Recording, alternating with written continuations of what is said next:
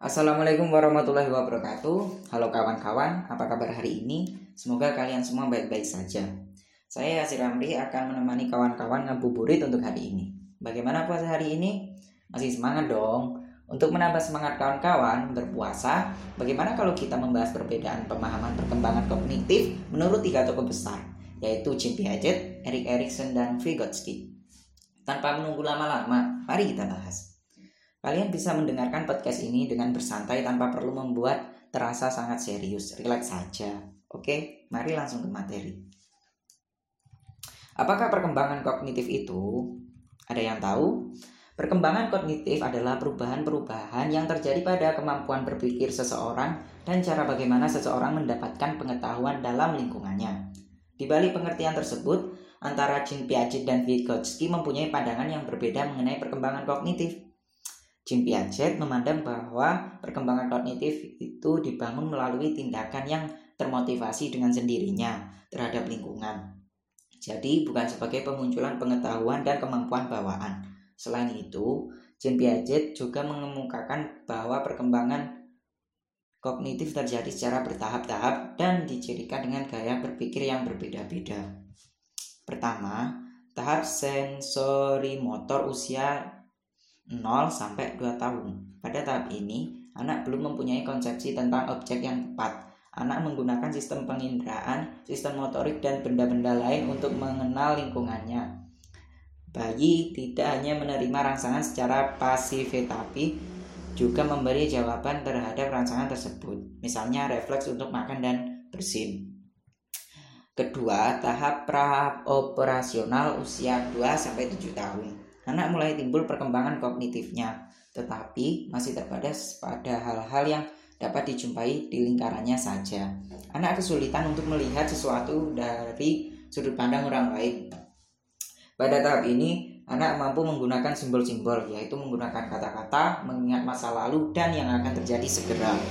Ketiga, tahap operasional konkret usia 7 sampai 11 tahun. Anak sudah mengetahui simbol-simbol matematis, tetapi belum dapat menghadapi hal-hal yang abstrak. Dalam tahap ini, sifat egosentris anak berkurang dan lebih sosiosentris. Maksudnya, anak sudah dapat melihat sesuatu dari sudut pandang orang lain, bahkan ketika seseorang tersebut berpikir dengan cara yang salah. Keempat, operasional formal yaitu usia 11 tahun sampai dewasa. Anak sudah mempunyai pemikiran yang abstrak pada bentuk-bentuk lebih kompleks, menalar secara logis, dan menarik kesimpulan. Beberapa orang tidak sepenuhnya mencapai perkembangan sampai pada tahap ini, sehingga ia tidak mempunyai keterampilan berpikir sebagai seorang dewasa dan tetap menggunakan penalaran dari tahap operasional konkret. Mengenai hal di atas, Vygotsky setuju dengan pendapat Jean Piaget yang mengemukakan bahwa perkembangan kognitif terjadi secara bertahap dan dicirikan dengan gaya berpikir yang berbeda-beda.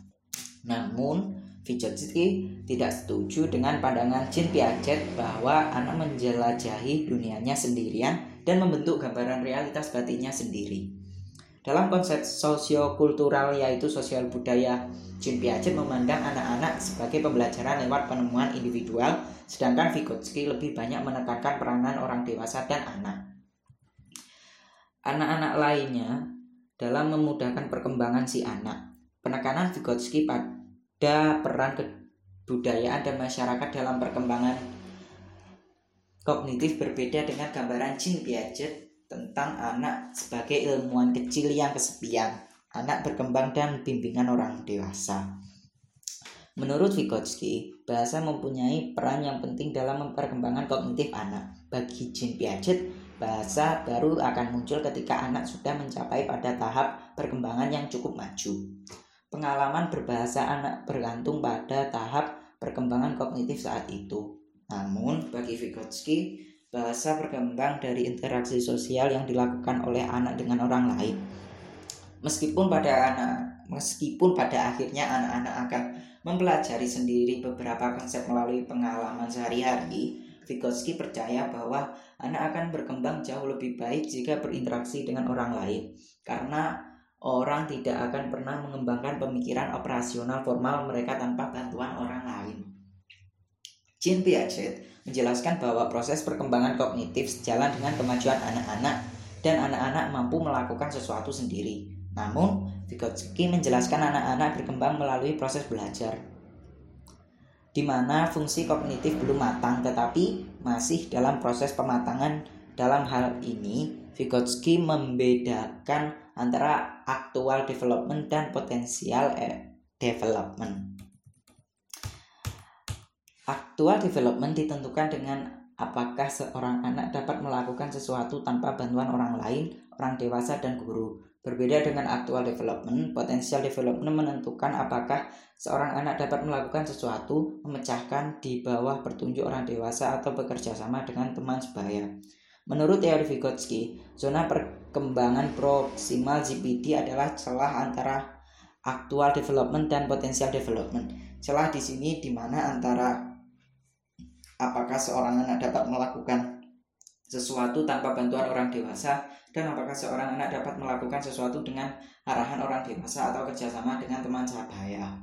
Dari uraian di atas, pandangan tentang perkembangan kognitif antara Jean Piaget dan Vygotsky memandang mempunyai perbedaan. Pandangan Jean Piaget menekankan perkembangan kognitif anak yang seutuhnya berasal dari kemampuan yang dimiliki anak sendiri, sedangkan pandangan Vygotsky lebih menekankan perkembangan kognitif anak membutuhkan peran orang lain yaitu interaksi dengan orang lain yang diperankan oleh orang dewasa dan teman sebaya. Yang selanjutnya, teori Erikson. Teori psikosial dari Erikson meliputi delapan tahap yang saling berurutan sepanjang hidup. Hasil dari tiap tahap bergantung pada hasil tahapan sebelumnya. Dan resolusi yang sukses dari tiap krisis ego adalah pentingnya bagi individu untuk dapat tumbuh secara optimal. Ego harus mengembangkan kesanggupan yang berbeda untuk mengatasi tiap tuntutan penyesuaian dari masyarakat. Berikut ada beberapa tahap perkembangan psikosial menurut Erik Erikson. Tahap pertama, Trust versus Mistrust, usia 0 sampai 1 tahun. Tahap kedua, Autonomy versus Sam and Dub, usia 1 sampai 3 tahun. Tahap ketiga, Intitative versus Gold, usia 3 sampai 6 tahun industri yang keempat industri versus inferiority usia 6 sampai 12 tahun. Yang kelima identity versus identity confusion usia 12 sampai 20 tahun. Yang keenam intimacy versus isolation masa dewasa muda 20 sampai 30 tahun. Yang ketujuh generative versus stagnation masa dewasa menengah 30 sampai 65 tahun yang tahap ke-8, ego integrity versus disappear masa dewasa berakhir 65 tahun ke atas. Gambaran mengenai penerapan teori Erikson dalam pembelajaran di sekolah yaitu seseorang anak memasuki sekolah dasar pada usia kurang lebih 6 tahun. Menurut teori Erikson, usia ini sudah memasuki fase keempat yaitu industri phase infinity Siswa yang masuk ke dalam sesuatu sekolah memiliki latar belakang akademik dan sosial yang berbeda-beda agar pembelajaran menjadi lebih efisien dan efektif. Hendaknya seorang guru harus mengenal karakteristik peserta didiknya agar lebih mudah dalam mengembangkan model pembelajaran yang akan digunakan dalam mengajar. Tahap ini Hendaknya guru dapat memotivasi siswanya agar dapat melalui fase ini dengan baik sehingga siswa merasa rendah diri kelurangan dan dimilikinya. Menurut teori Piaget, anak pada usia 7-11 tahun akan memasuki tahap konkret operational state, di mana anak menerapkan logika berpikir pada barang-barang yang konkret.